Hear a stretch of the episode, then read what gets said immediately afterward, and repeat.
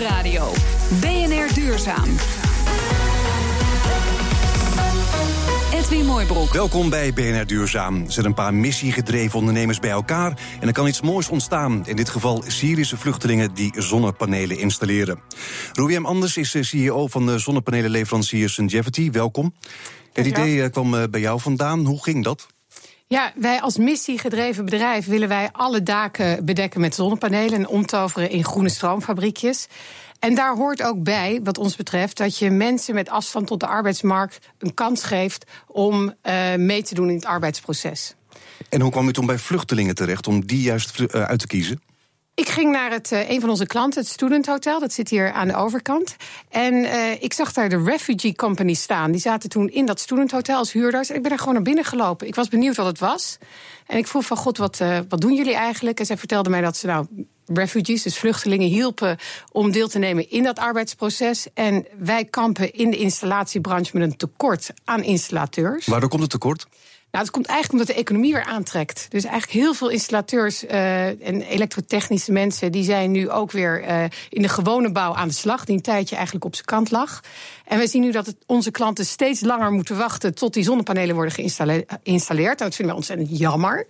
En daarom leek het mij toen, kwam gewoon spontaan in me op... U zo de logisch. De vluchtelingen kunnen toch niks doen, die ja. mogen niks doen... dus die mogen misschien hier wel aan het werk. Precies. En, en mijn vraag was dus ook, toen ik daar die Refugee Company binnenstapte... van uh, hè, wat kunnen die vluchtelingen eigenlijk? En heb jij misschien mensen die ons zouden kunnen helpen... met dat installatieproces? Nou, en toen uh, kwam Fleur en ja, die, Fleur die Bakker zei... ja. is hier ook namelijk de oprichter en directeur van de Refugee Company. Ja. ja. toen kwam ze langs, zei ze van, heeft u een paar vluchtelingen voor me? En hoe ging het toen? Nou ja, we hebben er een heleboel. Um, we hebben eigenlijk vrij snel in ons netwerk uh, uitgezet van we zoeken electricians. En dat ging heel, heel snel heel goed. Via Facebook uh, werven we mensen, maar ook in ons eigen netwerk.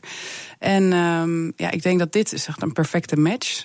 Want veel vluchtelingen zijn hoog opgeleid, hè? dus je kunnen eigenlijk ja. meteen aan de slag ook. Ja, ja, dus je ziet ook in het team wat nu aan het werk is geweest... dat eigenlijk ook uh, iemand uh, eigenlijk over, overgekwalificeerd is. Dus die uh, ook nog prima op andere plekken um, terecht zou kunnen. Um, ja. Maar hoe, hoe heeft u die mensen geselecteerd? Um, nou ja, we kijken nu eigenlijk heel goed naar taal, omdat dat heel belangrijk is om goed te communiceren op het dak. En we hebben een beetje de filosofie van laten we samen doen. En dan kom je er ook achter wat iemand echt kan. Dat noemen we zelf intern challenges. Dus we gaan heel kort uh, met een bepaald onderwerp, uh, nou in dit geval dan zonnepanelen installeren aan de slag. Um, ja, we hebben natuurlijk ook cv's bekeken en een gesprek gedaan. Maar heb je daar een speciale opleiding voor nodig om, om uh, installateur te worden van zonnepanelen? Nou, ik denk dat, uh, dat jullie daar beter antwoord op kunnen geven. Ja, Michiel Groen is hier ook. Hi, goedemiddag. U bent ook van uh, St. Jeffety ja. en uh, heeft de vluchtelingen uh, begeleid. Um, heb je daar een speciale opleiding voor nodig? Uh, voor het werk uh, dat ze hebben gedaan op het dak... Uh, hebben we voor hen geregeld dat ze een veiligheidscursus kregen. Uh, het is heel belangrijk dat ze uiteraard veilig werken. Uh, en het werk dat ze nu gedaan hebben, dat is relatief eenvoudig. Uh, zoals Fleur al zei, zijn die mensen eigenlijk uh, zeer goed gekwalificeerd. Eigenlijk overgekwalificeerd. Um, maar wat ze hiervoor nodig hadden, dat hebben wij hen geboden. Dus de veiligheidsschoenen, de harnassen en de opleiding. Want het was uiteraard wel heel belangrijk. Uh, en om uh, voor ons te mogen installeren als installatiepartner heb je ook een, een zijerkenning nodig. Mm -hmm. uh, en dat is een Stichting Erkend Installateur. Dat is een kwaliteitskeurmerk. Maar dat hebben al onze installatiepartners. die, geven, die houden toezicht op, op die installatie. Dus ja. deze jongens kunnen nu gewoon prima onder hun uh, auspiciën aan de slag. Ja, dus ze hebben allemaal hebben ze de opleidingen gevolgd. Ja, toen moesten ze dus bij de installateurs uh, aan het werk. Rubiem, hoe reageren de installateurs daarop? Nou, ik heb uh, onze installatiepartner gebeld en gevraagd of uh, deze Syriërs dak op mochten. Um, ja, hij was in het begin uh, nou ja, wat, wat aarzelend daarover. Hij zei van ja, dat gaat echt niet. Hè. Dat is uh, Ron van de Solar Store. Hij zei van ja, dat is echt niet. Uh, omdat het Syriërs zijn. Hè. Dat geldt ook voor Nederlanders, voor Polen. Dat maakt me verder niet uit. Maar het moet wel veilig zijn en ze moeten niet in de weg lopen. Dus hij had daar wat zorgen over. En de opleiding moest nog betaald worden. De opleiding betaald. Dus wij hebben gezegd, hè, als Sungevity, als, als de Refugee Company het allemaal regelt, dat papierwerk, dat gedoe, kunnen wij de opleiding regelen en die mensen begeleiden. Maar uiteindelijk moet onze installateur wel, die is ook verzekerd, die is ook verantwoordelijk dat het een goede installatie, uh, dat het, uh, het werk goed voltooid wordt. Die moet daar wel voor openstaan. Uh, het kostte een heel klein beetje overtuigingskracht. Uiteindelijk heb ik gezegd: we moeten dit gewoon allemaal met samenleving openstaan voor dit soort dingen. Wij vinden dit belangrijk. Nou, dat vond Ron gelukkig ook. En zei van nou, we gaan het gewoon proberen. En, en we hebben gezegd: wij als Sungevity gaan dit ook gewoon aanbieden aan jou als extra werkkracht. En als jij nou achteraf zegt van god, dat is goed gegaan, het scheelt mij een dag installeren, dan betaal je ons wat jij, jou het waard was. Nou, hij belde mij de volgende dag op. Hij zegt: het waren gouden jongens, dankjewel. Ja, dus het gaat allemaal heel goed. Het gaat fantastisch. Ja, want uh, Fleur Bakker, wat komt er allemaal bij kijken, zeg maar, om een vluchteling aan het werk te krijgen? Want ja, u vertelde net van alle procedures hebben jullie uh, uit handen genomen. Ja, nou, het is vooral kijken waar is iemand in procedure. Dus als iemand een status heeft, dan is het eigenlijk relatief makkelijk. Um, maar je kan ook nog in procedure zijn. Dan moet je in elk geval zes maanden hier zijn. Dan mag je 24 weken werken. Nou, dat soort dingen hebben we allemaal uitgezocht. En uh, ja, we zorgen sowieso. We hebben een goed uh, payroll systeem waarin we de betalingen regelen. En dus ook de verblijfsvergunning van mensen checken. Um, ja, dat op de een of andere manier is dat toch iets meer nodig bij werkgevers dan. Uh, ja, ze, willen gewoon dat het allemaal geregeld is. Ja, omdat toch heel veel mensen het beeld hebben van vluchtelingen mogen niet werken. Nou ja, als je statushouder bent, dan ben je eigenlijk in principe uh, mag je net zoveel als, uh, als jij en ik. En eigenlijk is het best zonde is... als al die mensen een hoge opleiding hebben, ja. dat ze gewoon in een asielzoekerscentrum ja. zitten. Ja, ja of, of van net een huis hier hebben en toch de weg naar de arbeidsmarkt niet weten te vinden. Dus dat, gaat, dat is ook heel erg wat we doen. Hè? Netwerk versterken, portfolio opbouwen en, en dit soort werkervaringen helpen enorm om ook gewoon verder aan de slag te komen. Dus heb je een week gewerkt, heb je kunnen laten zien dat je bij Sungevity dit hebt kunnen doen, dan ga je natuurlijk veel makkelijker straks werk krijgen. Ja, Michiel, je hebt gezien hoe de Syriërs en de Nederlanders in de praktijk samenwerkten. Hoe ging dat? Het ging uh, heel goed. Aanvankelijk waren ze ja, wat sceptisch. Van, uh, krijgen we nu uh, babysitten, we oppaskinderen? Uh, maar aan het eind van de dag waren ze heel blij. En zeer tevreden over een inzet en een kwaliteit. Want ja, ze zijn gewoon heel goed. En ze waren zelfs een dag eerder klaar dan gepland op, op dat dak. Dus dat, dat loopt fantastisch. En nu vandaag hebben we ook weer een van de Syriërs ingezet. En volgende week dinsdag hebben we ook weer een klus voor ze. Dus we willen dit groot vervolg geven bij alle installatiepartners. Het gaat dus allemaal door. Nou ja, jullie zijn allemaal van de missiegedreven instellingen en bedrijven. Is het nou ook voor een uh, gewoon bedrijf aantrekkelijk om dit te doen? Ja, ik vind wel. Ik vind voor iedereen. Kijk, ik krijg ongelooflijk veel energie ervan. Uh, Michiel liet me net een foto zien van die installateur... Die, die zelfs een fotootje van hem tussen die zonnepanelen... zijn Facebook- uh, en WhatsApp-foto heeft gemaakt, profielfoto. Ik krijg er heel veel energie van. En ik geloof dat heel veel andere bedrijven ook die energie zelf daarvan kunnen krijgen. Wij geloven heel erg in dat achter iedere uh, zwakte een kracht geldt. En uiteindelijk kan iedereen uh, een voordeel daarmee doen. Dus ik zou het zeker aanraden. Goed, dank u wel voor de komst naar de studio, Ruby en Anders. En uh, Michiel Groen van Zongevity en Fleur Bakker van de Refugee Company. BNR Nieuwsradio. BNR Duurzaam. How to let go of the world and love all the things climate can change. Dat is de titel van een documentaire van de Oscar-genomineerde Josh Fox. En wij geven kaarten weg voor de première. Giel van Leeuw van de, van de Bron, een soort Airbnb van de energie. Welkom. Hi, goeiedag. Ja, waar gaat die documentaire over? Ja, de, de, de, de titel is een mond vol, maar het zegt eigenlijk al wel waar de, waar de inhoud over gaat. Uh, klimaatontwrichting is in principe een feit. Hè. We, de, we zien over de hele wereld uh, om ons heen uh, dat er dingen aan het veranderen zijn in het klimaat. En we kunnen daardoor eigenlijk niet meer ontkennen. We moeten ons eigenlijk erbij neerleggen. Maar toch, het, het tweede deel van de titel, um, Love of the Things, Climate, Climate Can Change, gaat erover Uh, George Fox gaat de hele wereld over om te kijken waar klimaatontwrichting feit is. Hoe yeah. ziet dat uit en hoe mensen zich daar, uh, uh, hoe ze daarmee omgaan. En eigenlijk gaat het erom dat we helemaal niet zo, um, dat we niet, dat de toekomst niet, uh, ondanks dat die er minder rooskleurig uitziet, dat we de hoop niet moeten opgeven. Maar er zijn, nu, zijn, nu, nu zijn er heel veel klimaatfilms gemaakt in de laatste tijd. Wat is nou het verschil met al die andere dan, behalve de erg lange titel? Ja, behalve de erg lange titel is het zo dat, uh, dat, dat dit een documentaire is die juist weer positief laat inzien. Het is niet zo'n zeurderige uh, film die je met de neus op de feiten drukt. Geen doemscenario. Weer, geen doemscenario. Ondanks dat we dat niet, niet moeten ontkennen, gaat het er juist om dat, dat we de hoop niet moeten opgeven. Je krijgt, het, is, het is meer een feel-good. En dat hoort eigenlijk helemaal niet in het klimaattopic uh, thuis natuurlijk. Maar het is juist fijn dat George Fox dat wel doet. En wa wanneer en waar is de première? Uh, dat is aankomende woensdag om 6 uur in Den Haag, Pathé Buitenhof. Uh, George Fox gaat zelf, is erbij. Die gaat het, het inleidende woordje doen samen met Jelmer Mommers, bekend van de correspondent. Um, en dan uh, gaat om 7 uur gaat de film aan en dat duurt tot 9. En je hebt uh, vijf keer twee kaarten beschikbaar gesteld voor de luisteraars van BNR Duurzaam. Wat moeten ze doen om die kaarten te krijgen? Nou, heel eenvoudig. De eerste vijf reacties op Twitter... die met de Twitter-handle van de Bron een leuke tweet sturen... over, uh, uh, over George, George Fox, die krijgen deze kaart. Oké, dankjewel Giel van Leeuwen. Dus stuur een leuke tweet naar Ed van der Bron... Uh, met uh, de hashtag BNR Duurzaam. En wie weet zijn de kaarten voor jou. Zometeen eindelijk orde in de chaos van de duurzame uh, keurmerk. BNR Nieuwsradio. BNR Duurzaam. Er zijn meer dan 80 duurzame keurmerken, alleen al voor ons voedsel. En waarom zijn het eigenlijk zoveel en uh, wat zegt zo'n uh, keurmerk ons eigenlijk? Bij Milieucentraal hebben ze al die keurmerken onderzocht en netjes geordend. Ingrid Aldijk is uh, projectleider en hier in de studio. Welkom. Dankjewel. Waarom zijn er zoveel? 80? Ja, het zijn er ontzettend veel en uh, er komen er steeds meer bij. De afgelopen jaren zijn er uh, soms in sommige perioden wel uh, elke week een, is, er, is er wel een keurmerk of een logo bijgekomen. Maar waarom die weerwar aan keurmerken? Ja, omdat er uh, eigenlijk is het goed nieuws, omdat heel veel partijen en bedrijven zijn bezig met duurzaamheid. Dus um, die proberen het productieproces te verduurzamen op het gebied van milieu of dierenwelzijn of eerlijke handel. En als je daar een effort op pleegt, dan wil je dat ook laten zien aan je klanten. En dus komt er weer een, een label of een logo bij. Maar wat heeft een keurmerk voorzien als je er 80 van hebt? Precies, dat was dan ook ons punt. Dus wij dachten van uh, daar moet eigenlijk verandering in komen. Want als je uh, aan consumenten duidelijk wil maken van nou, als je een duurzame keuze wil maken in de supermarkt Waar moet je dan op letten?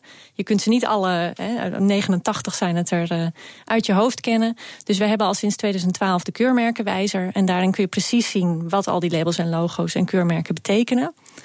Maar dat ging nog niet ver genoeg. En we hebben daarom ook op, mede op verzoek van het ministerie van Economische Zaken en de Alliantie Verduurzaming Voedsel hebben een ordening aangebracht. Om te kijken wat zijn nou de allerbeste keurmerken voor duurzaam voedsel. En waar hebben jullie naar gekeken voor die ordening?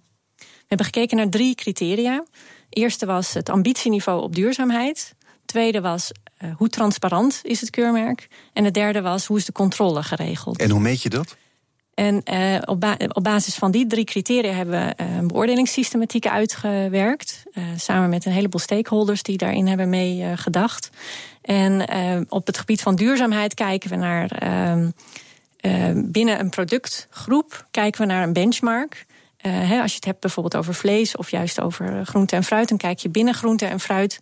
Wat is daar het wettelijk minimumniveau? Maar, maar laten, laten we nu eens uh, groente en fruit eruit pakken ja. dan. Waar moet het dan aan voldoen voordat dat een goed keurmerk krijgt?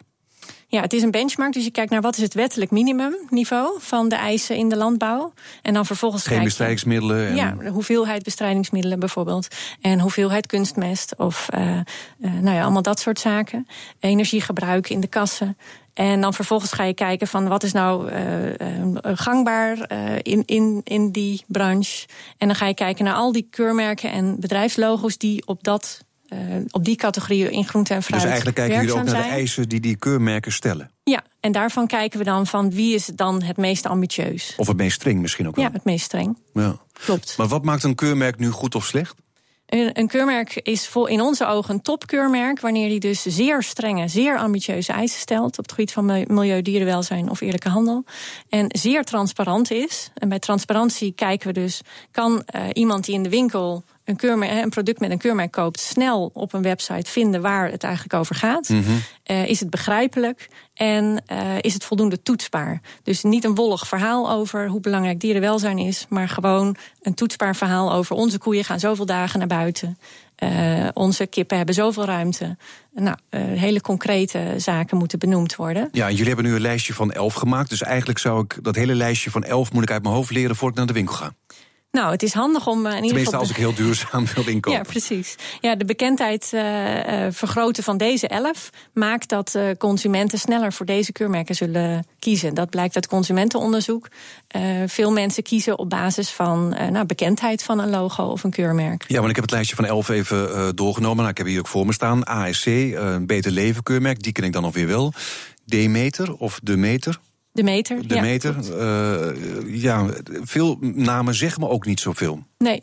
Nou, toevallig is de meter een, een, een, relatief klein keurmerk met een klein marktaandeel. Dat was dus niet een van de criteria. Daarmee wilden we ook uh, eventuele nieuwe initiatieven wel een kans bieden. Ehm, dus dat is bij ons niet een eh, criterium geweest om op te oordelen. De meter is een, uh, is een heel goed keurmerk dat staat op biologische producten. Dus daar staat ook altijd het uh, groene blaadje van EU biologisch bij. Maar het stelt nog een heleboel aanvullende eisen bovenop de eisen van EU biologisch. En daarmee is het dus nog strenger mm -hmm. en zeer ambitieus. Ja, maar goed, mensen moeten dan toch ook die keurmerken kennen, anders heb je er toch niks aan. Ja, en daarom willen we ook heel graag dat deze elf toppers dat die goed onder de aandacht komen. En dus zijn we ook heel blij met dit soort uh, media-aandacht. Uh, en we hopen ook dat de supermarktketens um, en de horeca in Nederland deze keurmerken ook onder de aandacht van hun klanten gaan brengen. Ja, want verkoop je nu ook meer als je dan zo'n goed keurmerk hebt? Is het belangrijk voor bedrijven ook om een keurmerk? Want je, zei het al, het zijn 80, dus het is blijkbaar is het erg populair om een keurmerk ergens op te plakken. Ja, ik denk dat het uh, belangrijk is voor veel uh, supermarktketens en, uh, en bedrijven. Omdat duurzaam speelt nu gewoon een, een, steeds grotere rol. Het is ook een beetje hip, hè? Het is ook hip. En je merkt uit consumentenonderzoek dat twee op de drie Nederlanders zegt in ieder geval te willen letten op duurzaamheid. Tenzij ze drie keer zoveel moeten betalen waarschijnlijk. Ja, waarschijnlijk wel. het vertaalt zich niet altijd ook in daadwerkelijke ver, grotere verkoop. Ja. Maar maar uh, het is wel degelijk een onderwerp eh, waar veel consumenten mee bezig zijn. Ja, dus het verkoopt wel. Maar zeg maar, deze elf die iedereen heeft uitgekozen, zijn het ook hartstikke dure producten allemaal? Waar, waar dan dit keurmerk op staat? Nee, dat hoeft niet zo te zijn. Maar uh, daar hebben we verder geen onderzoek naar gedaan, naar de, naar de, naar de kosten. Nee. Waarom komt er eigenlijk niet gewoon één keurmerk? Ja, dat is gewoon heel lastig. Omdat duurzaam is natuurlijk een containerbegrip. En daarom hebben we het al opgesplitst in een aantal aspecten. Je moet er bijna een studie van maken als je boodschappen doet. Nou, het is, het is denk ik op een gegeven moment. Uh, mensen zijn natuurlijk um, gewoontedieren. Dus op een gegeven moment ben je gewend in de supermarkt bepaalde producten te kopen. Dus ik kan me voorstellen, uh, als je uh, dierlijke producten eet, vlees of eieren, dat je dan let op beter leven. Dat is dan het topkeurmerk op het gebied van dierenwelzijn. Mm -hmm. Dat is er eentje om te onthouden in die productcategorie. En zo heb je bijvoorbeeld voor tropische producten hebben we um, Fairtrade OETS en Rainforest Alliance. En dat zijn er inderdaad drie. En eigenlijk is een aanbeveling wel om te kijken van... goh, zouden die drie topkeurmerken voor Gewoon eerlijke handel... niet op een gegeven moment nog meer kunnen samenwerken? Volgens mij werken ze al uh, achter de schermen maar heel samen. Nou, dat zou wel een aanbeveling van ons zijn... om te kijken of die nog verder kunnen samenwerken. Ja, jullie hebben het nu bij voedsel gedaan. Wordt het straks ook uh, hetzelfde gedaan voor non-food dingen? Dat zouden we heel graag willen. Maar daar is wel een vraag voor nodig. Hoe bedoelt u? Dan moet iemand de opdracht geven? Of? Ja, dat klopt. Ja. Okay. We willen dat heel graag uitzetten, ook naar de andere productcategorieën. Kleding, eh, schoonmaakmiddelen, cosmetica, allemaal dat soort zaken. Goed, dank u wel Ingrid Aldijk van Milieu Centraal. De minuut van de waarheid. 16 van de grootste containerschepen ter wereld die stoten net zoveel zwavel uit als alle auto's op aarde. Ja, die bewering uh, komt uit een mooi artikel van de correspondent over de vervuiling die de zeevaart uh, veroorzaakt. Maar klopt het ook? André van Arnhem zocht het uit. Factchecker deze week is Volkert Boersma, wetenschappelijk onderzoeker aan de Wageningen Universiteit en bij het KNMI. En hij is gespecialiseerd in satellietmetingen van luchtvervuiling. En Boersma denkt dat met de strekking van de stelling weinig mis is. De eigenlijke stelling is dat uh, de internationale scheepvaart veel en veel vervuilender is dan. Uh, uh, dan die uh, door auto's wordt veroorzaakt. En uh, dat klopt ruwweg wel. Ik hoor een maar. Of dat getal 16 nou, uh, nou precies klopt, daar heb ik mijn twijfels bij. Want Boersma komt tot een eigen berekening. Niet minder indrukwekkend trouwens hoor. Ik heb niet de precieze getallen bij de hand gehad die de auteur van die stelling uh, had. Maar wel gevonden dat uh, 100.000 schepen die je hebt uh, wereldwijd... bij elkaar tien keer meer zwaveluitstoot veroorzaken dan de 1 miljard auto's die er ongeveer wereldwijd zijn. Ja, volgens mij is dat krankzinnig veel. Dus dat maakt dat, dat één schip per jaar 100.000 keer meer zwavel veroorzaakt dan één auto. Dus dat zijn astronomische verschillen. En even voor de goede orde, zwavel, dat is dus echt niet gezond, hè? Zwavel is enorm vervuilend. En als die zwavel eenmaal in de atmosfeer komt, dan uh, vormt dat fijnstof. En omdat schepen uh, het grootste gedeelte van de tijd dicht bij de kust varen, uh, waait die fijnstof ook naar uh, gebieden waar veel mensen wonen. En die ademen dan dat fijnstof in. Daar komt het diep in de longen en dat maakt mensen ziek. Dat zien we aan, aan de gebieden waar hoge fijnstofconcentraties zijn. Daar heb je veel meer zieke opnames en hogere sterftecijfers door hartfalen, longkanker enzovoort. Hmm, en dat allemaal door de scheepvaart die extreem vervuilend is en niemand die daar dan wat aan doet. Het is heel raar ook eigenlijk dat de scheepvaartsector uh, uitgezonderd is van de klimaatonderhandelingen in Parijs. Het is een van de weinige sectoren die daar uh, niks hoeft te doen. Terwijl allerlei andere sectoren, zelfs de luchtvaart, zich nu committeren aan, aan afspraken om de CO2-uitstoot terug te brengen. Al met al, de getallen zijn misschien niet helemaal kloppend. Maar de strekking is dat wel. En dus beoordelen we de stelling dat 16 containerschepen net zoveel zwavel uitstoten als alle auto's ter wereld als. Deels waar. Dat is een bijdrage van André van Arnhem. Zometeen staat hier Petra Grijs met BNR Spitsuur. Dit was BNR Duurzaam. Tot volgende week.